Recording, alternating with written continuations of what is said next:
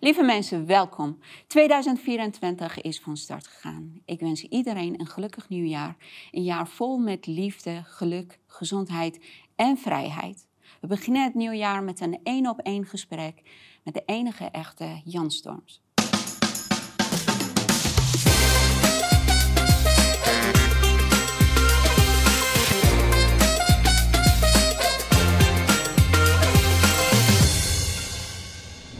Jan, welkom. Dankjewel, Shorry. Fijn dat je hier bij ons bent. Ja. Het is lang geleden dat we elkaar hebben gesproken. Ja, Eh, we gaan ons gesprek in twee delen opnemen, want we gaan een aantal onderwerpen uitgebreid eh, behandelen. En ik heb ontzettend zin in ons gesprek. ik ook hoor. Ja. Zal ik beginnen met de vraag: wat viel jou op in 2023 betreft overheid en psychopathie? Ja, ehm, nou ja, dus eigenlijk een voortzetting van de eerdere jaren. Dus ehm, met COVID-19 is dat eigenlijk allemaal een beetje op een sisser afgelopen. Jammer genoeg zijn er heel veel mensen die zich laten prikken hebben. Die doen het nog steeds ook, sommigen. Sommigen doen het nog steeds, maar het is veel, veel minder geworden. Hè? Dus omdat er toch veel nieuws over naar buiten gekomen is. Maar ik zie dat echt als een, een poging om de volksgezondheid te verzwakken. En ook, ja, er zijn veel mensen toch die daaraan sterven. Want er is een oorzakelijk verband aangetoond tussen eh, die spike-eiwitten die dan geproduceerd worden in het lichaam, mRNA, vervuilingen die er aanwezig zijn, hulpstoffen en zo. Ah, dus het is eigenlijk allemaal slecht. En ehm, ja, ernstige gezondheidsproblemen die mensen krijgen. Hè, dus op neurologisch gebied, hart- en vaatstelsel. Hè, dus ja, dus dat is ehm, op zich al werk van psychopaten. dus om zoiets te kunnen doen. Terwijl er goede remedies aanwezig waren om ervoor te zorgen dat eigenlijk bijna niemand eh, aan die ziekte hoefde te overlijden. Zoals ivermectine en ehm, hydroxychloroquine met wat hulpstoffen en zo. Hè. Dus, eh, dus dat is allemaal niet nodig geweest. En ook in strijd met de wetten van Nuremberg, hè, dus, of de, de Nuremberger Code liever. Hè, dus, wetten van Nuremberg is eh, heel wat anders. Maar dus de Nuremberger Code, dat is daarmee in strijd. hè. dus eigenlijk zijn dat dus misdaden. hè, dus misdaden tegen de mensheid. En ehm, ja, dus diezelfde mensen die daarvoor verantwoordelijk waren, dus want eigenlijk al die maatregelen die genomen zijn sinds 2020, die waren schadelijk voor de volksgezondheid. Alles wat ze gedaan hebben was schadelijk voor de volksgezondheid. En de dingen die goed waren voor de volksgezondheid, die werden weggezet en belachelijk gemaakt. Hè, dus verketterd. Nou, diezelfde poppetjes, die zitten er nog altijd. En dat is wel zeer verontrustend. Want die hebben toch de intentie door te gaan met waar ze mee bezig zijn. En eh, Heb jij ook het gevoel dat ze steeds heftiger worden in wat, eh, wat ze doen? ja, ja, dus ik denk eh, dat het nog heftiger gaat worden de komende jaren. Ja. Dus als je die lijn doortrekt, hè, dus en dan ziet van wat ze zelf ook al aangekondigd hebben, wat er gaat gebeuren. En wat gaat er gebeuren? Ja, ze hebben het over eh, een aanv- aanvallen op eh, Cyberattack? cyberattacks, hè, dus aanvallen op internet en dat soort dingen. Hè. Dus eh, digitale communicatie. Dus het kan van alles zijn. Hè. Dus het kan eh, financiële systemen zijn die onklaargemaakt worden. Dus de meeste mensen hebben hun geld op de bank staan. Ja. Ja, dus dan ben je, zou dat kunnen gebeuren als dat in het ongereden gebracht wordt. Dat iedereen eigenlijk even rijk en even arm is. Dus niemand heeft nog wat. Dat zou zomaar kunnen. You own nothing? Wel ja, het is een hele snelle manier om dat te, te laten gebeuren. En ehm, ja, dus eh, er is eno- enorm veel afhankelijk van het goed functioneren van digitale communicatie in onze maatschappij. Dus als je aankondigt dat daar grote aanvallen op komen en dat wat er gebeurd is met eh, COVID, dat dat het niet valt daarbij, ja, dat zou goed kunnen. Ja. Dus waarschijnlijk zijn ze daar wel mee bezig. ja. Dat heeft uh, volgens mij Klaus Schwab ook gezegd. Of Ja, was dat Bill Gates? Die zei volgende... Ja, dat eh, zullen allemaal, allemaal de boodschap wel herhalen en versterken. Hè? Dus- Je had het even over vaccinatie en eh, de schade daarvan. Ken jij zelf ook persoonlijk mensen die schade hebben, eh, beschadigd zijn door de vaccinatie? Ja. Ja? Helaas wel, ja. In je... eh, Ja, ja. Kring? Ja, ja, ja. ook in mijn eigen kring, ja. Ja, dus eh, mijn moeder, die had ik gezegd om zich niet te laten prikken. Nou, die heeft dat toch gedaan. Haar vriendin liet zich ook prikken en die was veertien dagen later dood. en hoe gaat het En toen moeder? heeft mijn moeder, eh, mijn moeder is kort geleden overleden. Oh, gecondoleerd. Ja, dus- Ik wist het niet. Sorry. Ja, ehm, maar dus eh, toen is mijn moeder daar acuut mee gestopt. Omdat ze wel door had waar haar vriendin van gestorven was. Hè. Dus het waren allemaal wel bejaarde mensen. Maar die had dat door, ja. En dan een eh, vriendin van me. eh, dan weer een vriendin van haar. En dus haar vriend die liet zich prikken. Een jonge man van 25 jaar. Fijn. Die, ja, en die lag de volgende ochtend dood naast zijn bed. Ja. Dus eh, ja, 25? ja, dus dan zou je nog kunnen zeggen, oh dat is toeval allemaal. Hè? Maar Er ja, werden te veel toevallen laatste ja, ja, toeval is heel erg druk. Hè? Dus de, de laatste jaren. Toeval is heel erg druk, ja. Oh my Ja. god, dat, ah, Ja. dat vind ik echt erg Ja. om te horen. Nou ja, en je hebt natuurlijk nog steeds een oversterfte.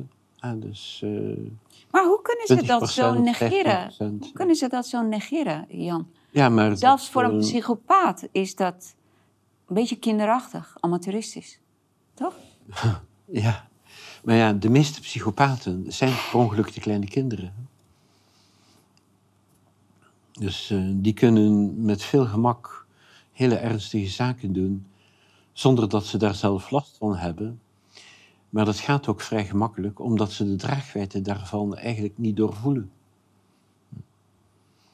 Dus eh, stel dus dat je zegt van, ah, want dat is eh, iets, een, een idee dat al veel langer bestaat. Hè? Dus dat er te veel mensen zijn op de wereld.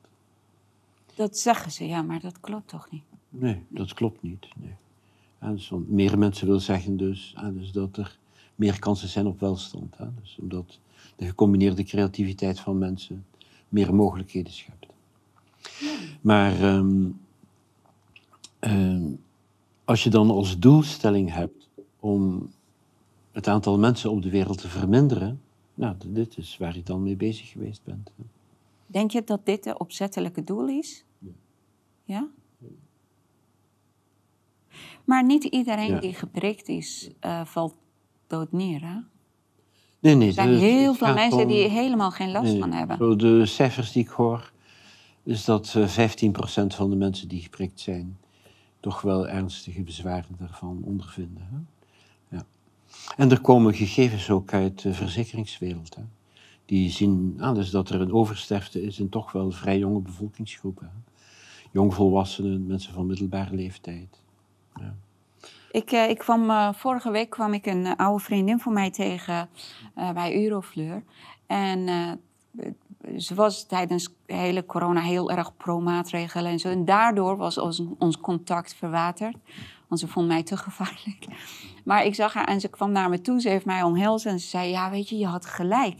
Ik zei, met, waarin? Ja, in, eh, over de hele gebeuren poppenkast van eh, eh, COVID. Ik, heb, ik zei, heb jij laten prikken? Hij- Ze zegt, ik heb drie prikken gehad. Bij ieder prik heb ik een hele zware ziekte erbij gekregen. En na drie keer was ik gestopt. Ik zei, oké, het heeft jou drie keer geduurd. Of, Ja. maar ik, kom, ik kom heel veel mensen tegen die eh, schade hebben opgelopen naar aanleiding de prik. Maar weet je wat ik ook niet snap? Ehm, ik heb dit vaker gezegd. Ik kom zelf uit een medische familie. En mijn moeder is heel erg wakker, maar ze moest zich prikken. Maar na het tweede prik is ze gewoon gestopt. Die zei, maakt mij niet uit hoe erg jullie mij onder dwang zetten. Dat doe ik niet meer. Ze had 14 dagen daarna hartstilstand. Dat weet je toch? Volgens mij, dat eh, had ik toen tegen je gezegd. En je hebt ook mij een, een, een thee gegeven om dat aan haar te geven. Om haar te ontgiften. Je bent te vergeten. Nee. Maar, En er ehm, komt heel veel ja, voorbij. ja, klopt. En heel veel mensen kloppen bij jou aan, hè? Ja, ja. En eh, mijn vader, eh, die neemt trouw nog steeds zijn boosters iedere keer. Iedere keer. En hij zegt letterlijk tegen mij, ja, Maar ik ervaar dat ik echt heel veel last van heb. En dan denk ik, pap, wil je mij laten lijden? Eh, Want als ik zie dat je last hebt, dan lijd ik ook. Maar hij gaat het alsnog halen. Alsof hij zo gehypnotiseerd is, komt een oproep en hij volgt de oproep en hij doet het met tegenzin.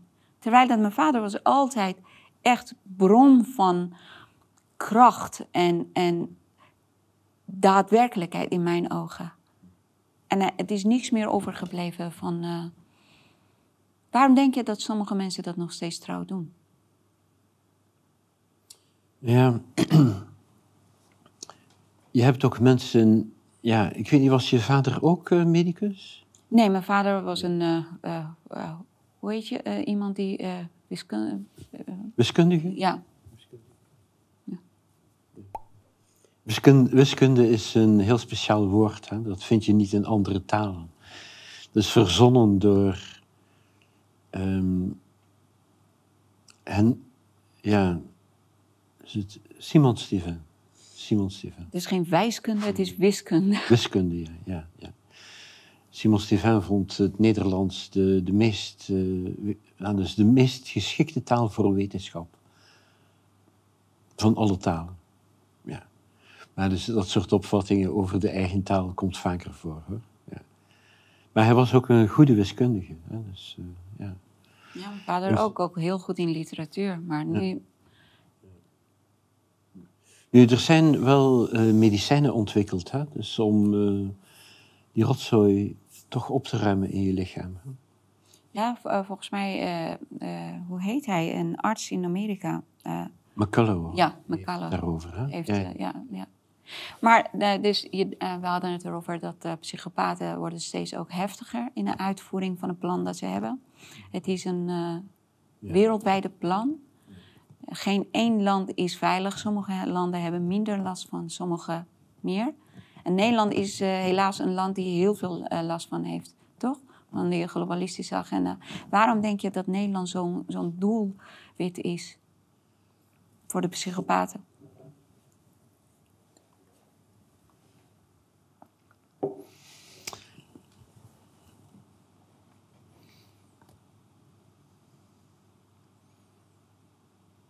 Dat gaat wel ver. Ver in. Dat gaat wel ver. Ja, dat En gaat de geschiedenis. ver terug in de geschiedenis. En waarom eh, het kwaad zich ergens vestigt.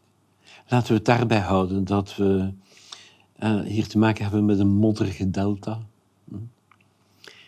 Er was een, een dichter.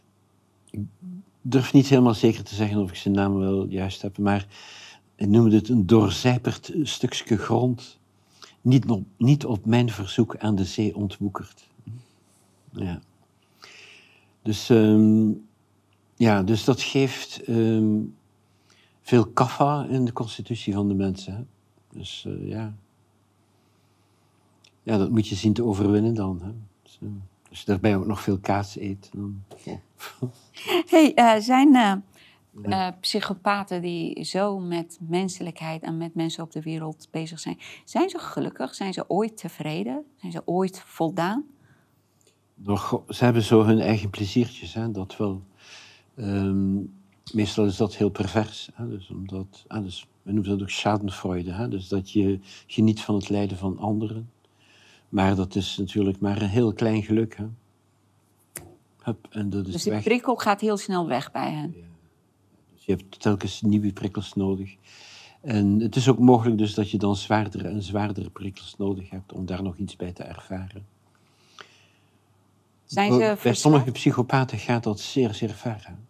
Hun behoefte aan het doen lijden van anderen. Wie? Zoals Ja. zeg maar die enorme slachting die plaatsvindt in de Oekraïne. Hè? Ja. Dat is feest voor hen. Het is onvoorstelbaar voor gewone mensen hoe dat werkt bij sommige psychopaten. Ik zeg niet dat alle psychopaten zo zijn, eh, want je hebt ook psychopaten. Ze hebben geen functionerend geweten, maar ze zijn niet kwaadaardig. Dat bestaat. Ah, dus niet erop uit om anderen te doen lijden. Hoe Dat kan je een psychopaat zijn en niet kwaadaardig? Wel, kwaadaardig zou je kunnen zeggen in de zin dus dat daar lichte is waar er eigenlijk volheid zou moeten zijn. Dus dat is op zich een kwaad. Maar ehm, ja, je hebt ook uh, psychopaten die in hun handicap, dus in hun beschadigd zijn, zo ernstig gefrustreerd zijn, dat ze ook aan anderen schade willen toebrengen. En als ze dus op leidinggevende posities terechtkomen, kunnen ze dat doen in het groot. En dat gebeurt ook. Ja, dus de geschiedenis is vol van dat soort voorbeelden, hè, van heersers. Wie is de grootste psychopaat die je nu op dit moment kan benoemen? Met jouw deskundigheid. God, ja, dat zou ik niet weten. Nee? Ja, dat, ja, nee, dat is een... Zijn dat is te, te veel om op te noemen? Een moeilijke vraag. Oké. De moeilijke vraag. Wat is, een gebrek, wat is het verschil tussen gebrek aan empathie en psychopathie? Want psychopaten hebben geen empathie. Ja. Nu, gebrek aan empathie is een van de kernkenmerken van psychopathie. Maar er zijn ook nog andere kernkenmerken. En, uh, dus nog andere kwade eigenschappen hebben ze? Ja. Oké. Dus um, gebreken, hè? Mm En het meest fundamentele van die kernkenmerken, dat is een gebrek aan geweten. En dus dat gaat nog dieper dan een gebrek aan empathie. Ja. Jan, je hebt ook soms mensen die uh, te gevoelig zijn voor leed van anderen. Dus ze, ze hebben ja, te veel empathie. Hoe, hoe komt dat iemand zo wordt? Wel, ze hebben niet noodzakelijk te veel empathie. Maar ze zijn in het empathisch zijn waarschijnlijk niet getraind. De meeste empathen die hebben geen training. Ja, dus dat is een vermogen waarmee je geboren wordt, meestal. Hè? Dus een bepaalde gevoeligheid. En uh, dat staat dan eigenlijk altijd aan. En een getrainde empaat kan zijn empathie aanzetten en uitzetten. En dan heeft dat vermogen niet jou, maar jij hebt dat vermogen. Dat is het Mm. verschil.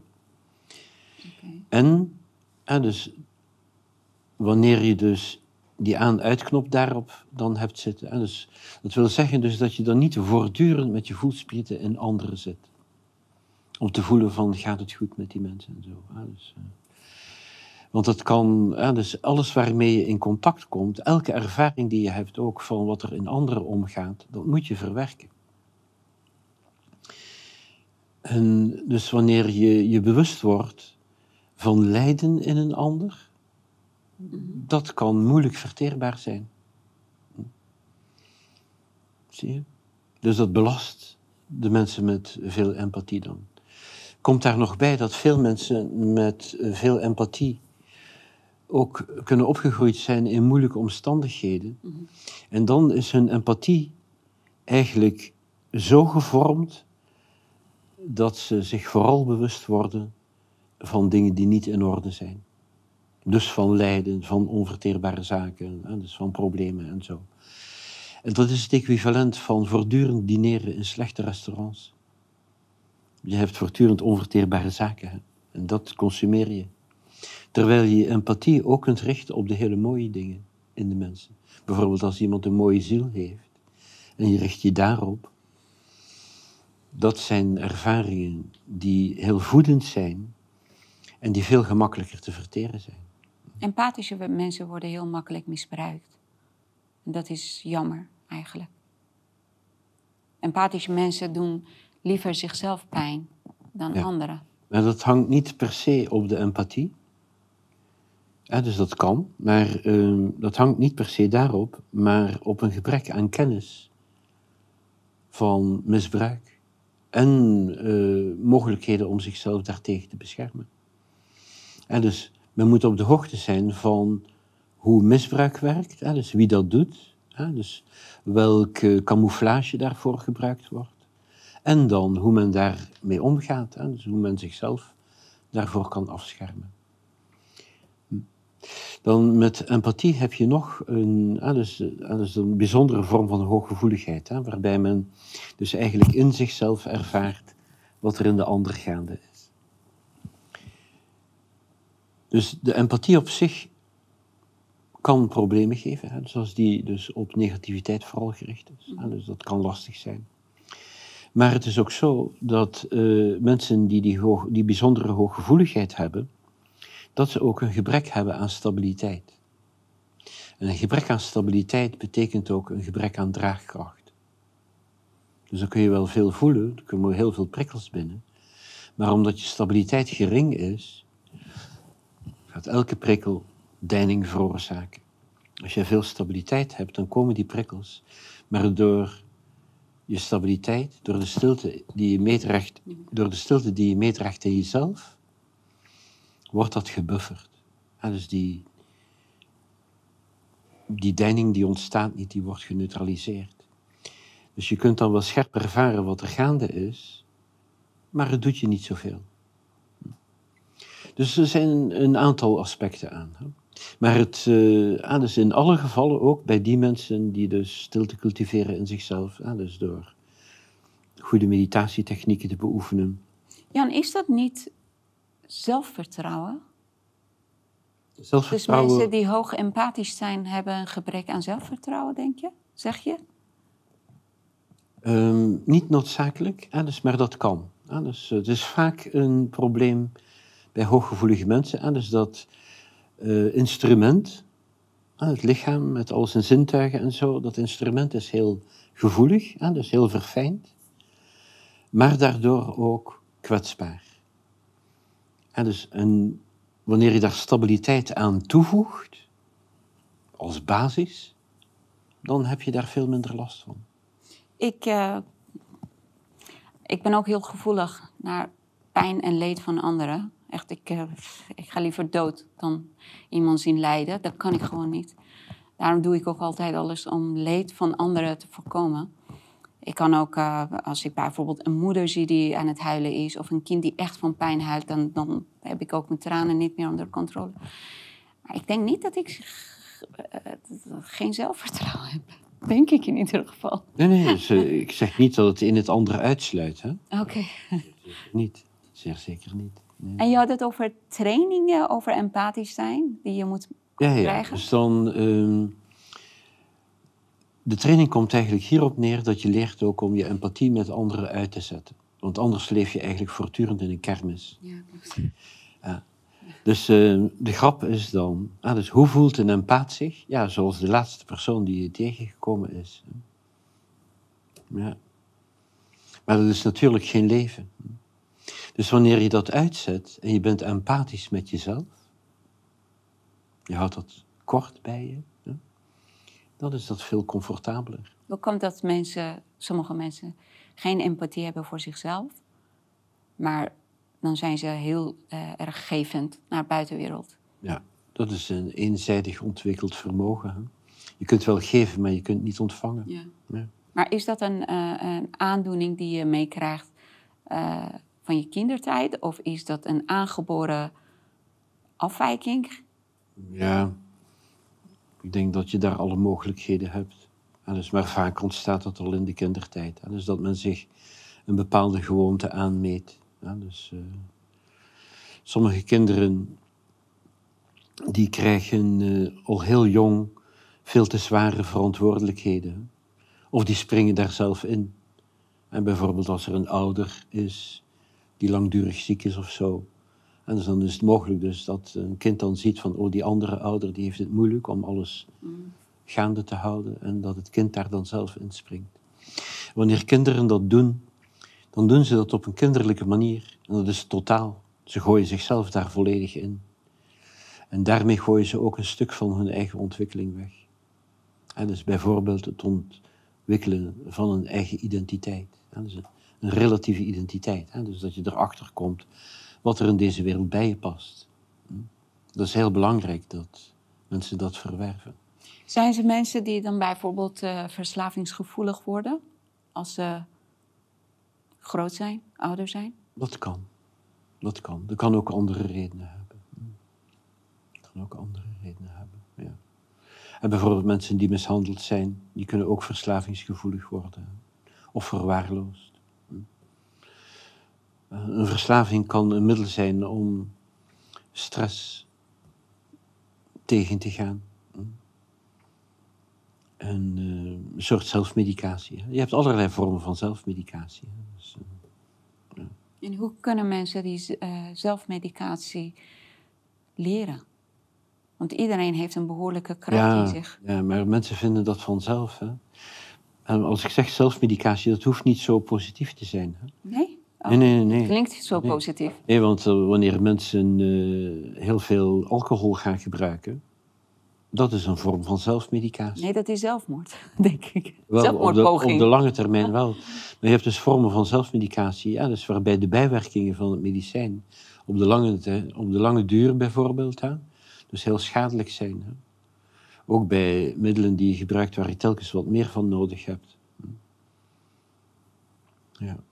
Maar dus uh, het kan dan gunstig zijn, hè, dus wanneer er een noodzaak is om stress te bestrijden in het systeem. Hè? Of men is stressgevoelig geworden door allerlei dingen die men meegemaakt heeft.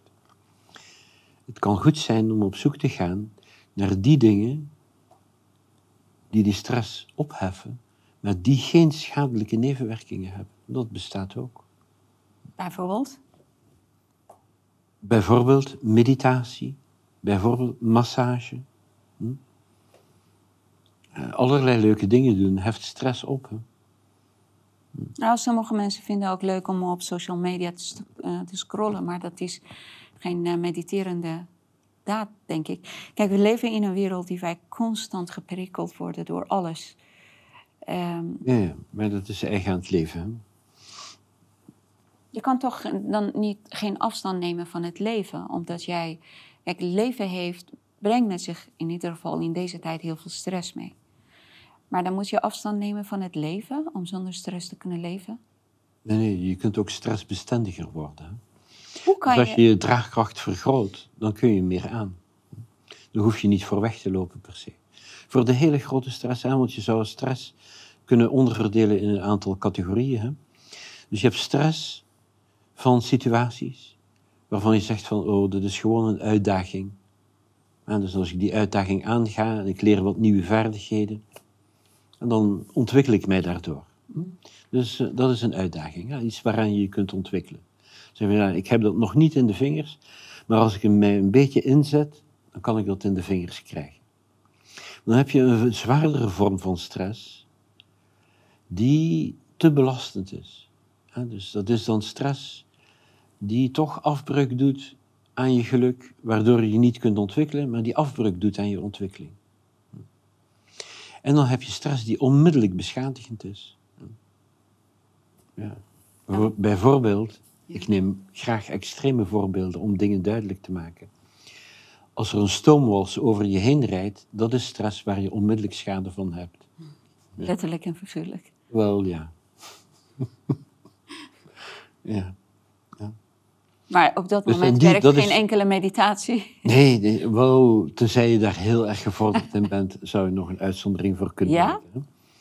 Wel ja, maar dat, ja, dus dat hoeven we niet te bespreken hoor. Maar dus dat is stress die je te alle prijzen wilt vermijden.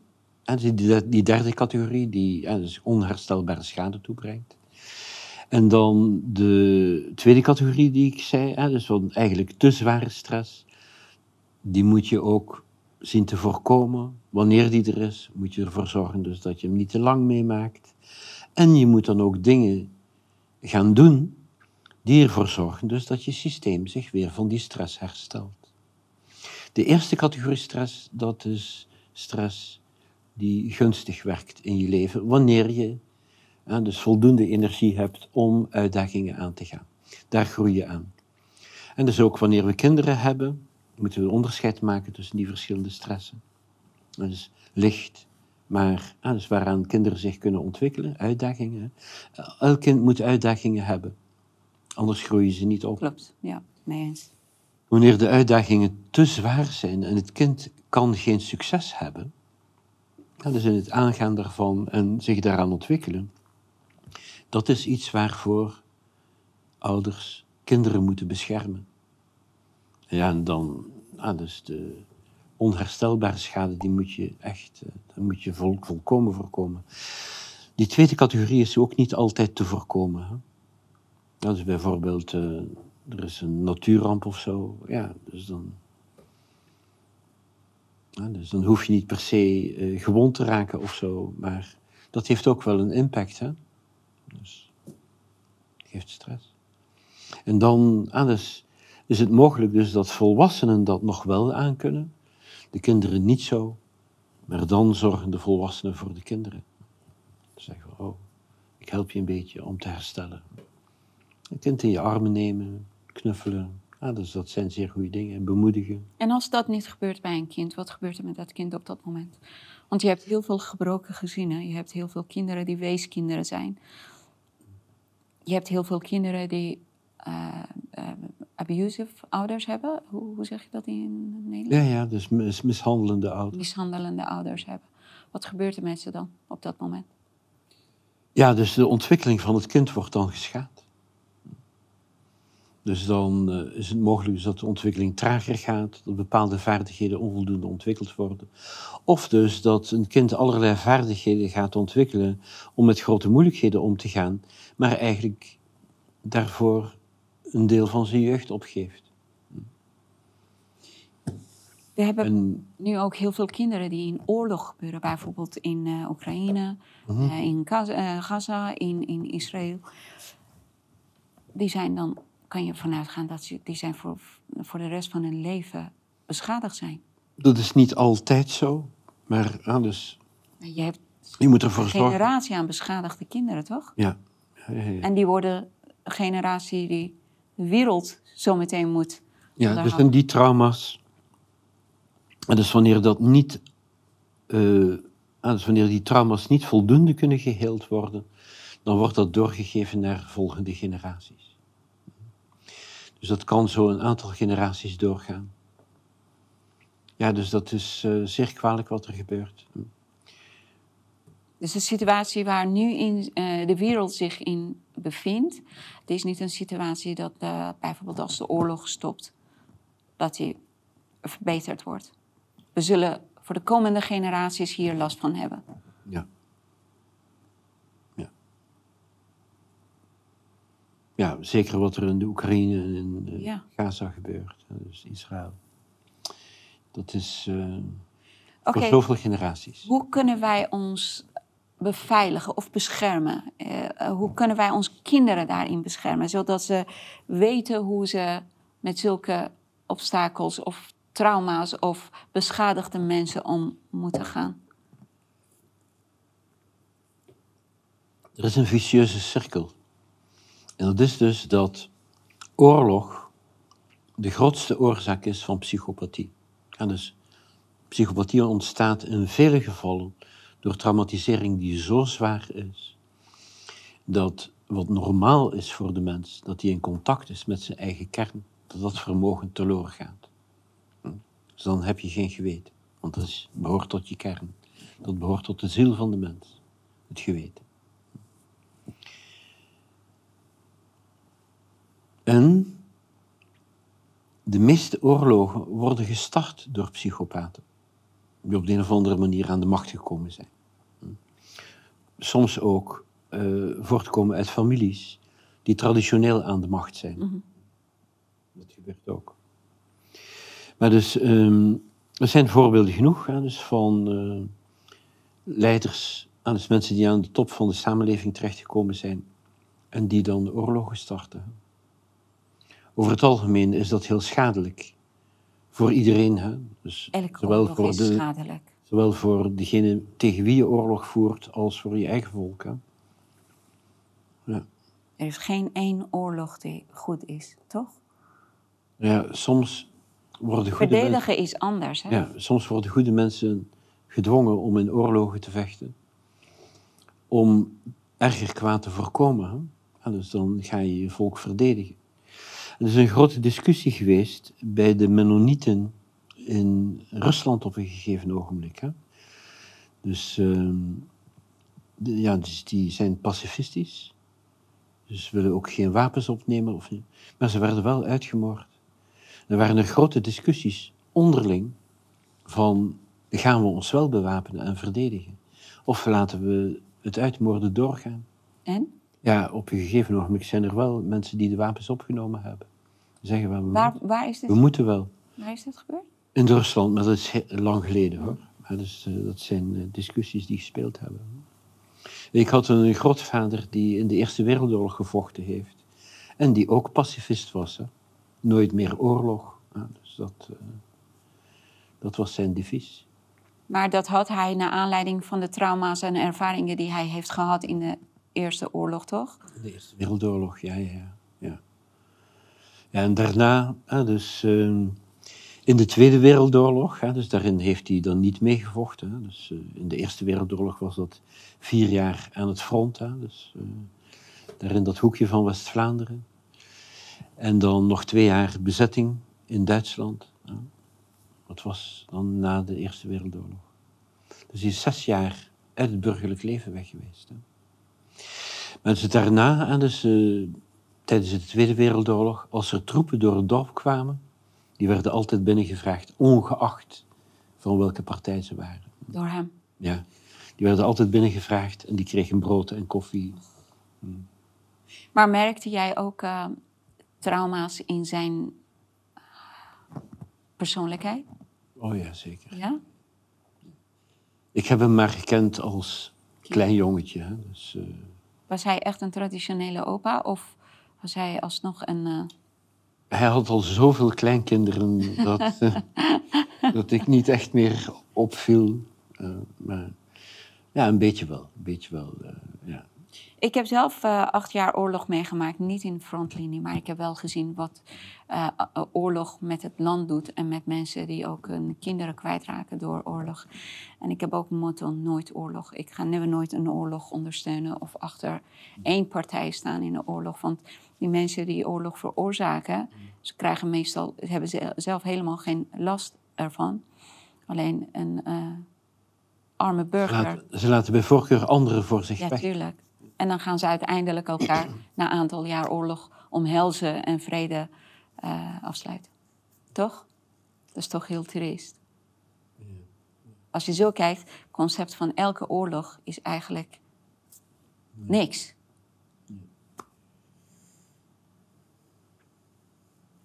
Ja. Maar dus, er is ook... want kijk, een, een psychopaat alleen is, heeft wel een grote invloed hè, als die dus eh, bestuur in de samenleving heeft veroverd. Dus heeft een onevenredig grote invloed in het collectief bewustzijn. Dus dat moeten we onderkennen. Maar die kan ook opereren dankzij het feit dat er een voedingsbodem is in de samenleving. En die voedingsbodem is onder andere, hè, dus, ehm, Ondanks of dankzij? dankzij een voedingsbodem in de samenleving. Hè, dus, eh, dat wil dan zeggen dat en dus er bijvoorbeeld veel gedissocieerd wordt in de samenleving. Dat is wat we ook gezien hebben in het hele corona-verhaal. Dus dat je wil een gesprek beginnen met iemand en mensen willen het niet weten. Dus ik wil dat niet weten. Dat is dissociatie. Dissociatie kan gunstig zijn. Dus als je jezelf wilt beschermen tegen informatie die te verstorend zou zijn. Maar als je dus voortdurend dissocieert, ehm, dan is het mogelijk dus dat je geen duidelijk beeld van de werkelijkheid meer hebt. Hm. Dus dat je een opvatting van de werkelijkheid dan construeert die niet echt aansluit bij wat er is. Omdat je heel veel dingen niet wil zien. Hm. Dus de hele werkelijkheid overzie ik dan niet meer. En wanneer je de werkelijkheid, dus wanneer je een verkeerd beeld hebt van de werkelijkheid, dan kun je er ook niet meer mee in interactie gaan. Ik denk dat dit Dan, kun je, dan, kun je, dan verlies je die greep op je leven. En dat opent mogelijkheden voor psychopathische heersers. Dus een, een volk dat in onbewustheid leeft. Ik denk dat dit een hele mooie cliffhanger is om uh, ons eerste gesprek hiermee af te sluiten. Want we horen ook heel veel in de maatschappij. Uh, de wereld is een bende, doe niks, ga een keer terug in jezelf. En ik denk dat we daarover uh, verder kunnen praten in onze vervolggesprek. Prima. Vind je dat goed? Goed hoor. Ja. Lieve mensen, we gaan de rest van ons gesprek in een uh, andere aflevering opnemen. Uh, dit vind ik zelf heel erg interessant en ik wil heel graag horen wat Jan hierover te vertellen heeft. Over mensen die zeggen: Oké, ik uh, heb niks met de wereld, ik ga mij afsluiten en ik ga zorgen dat ik goed leef en het komt wel goed.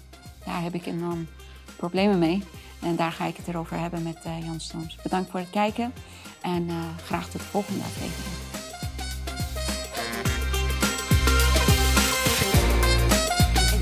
heel interessant.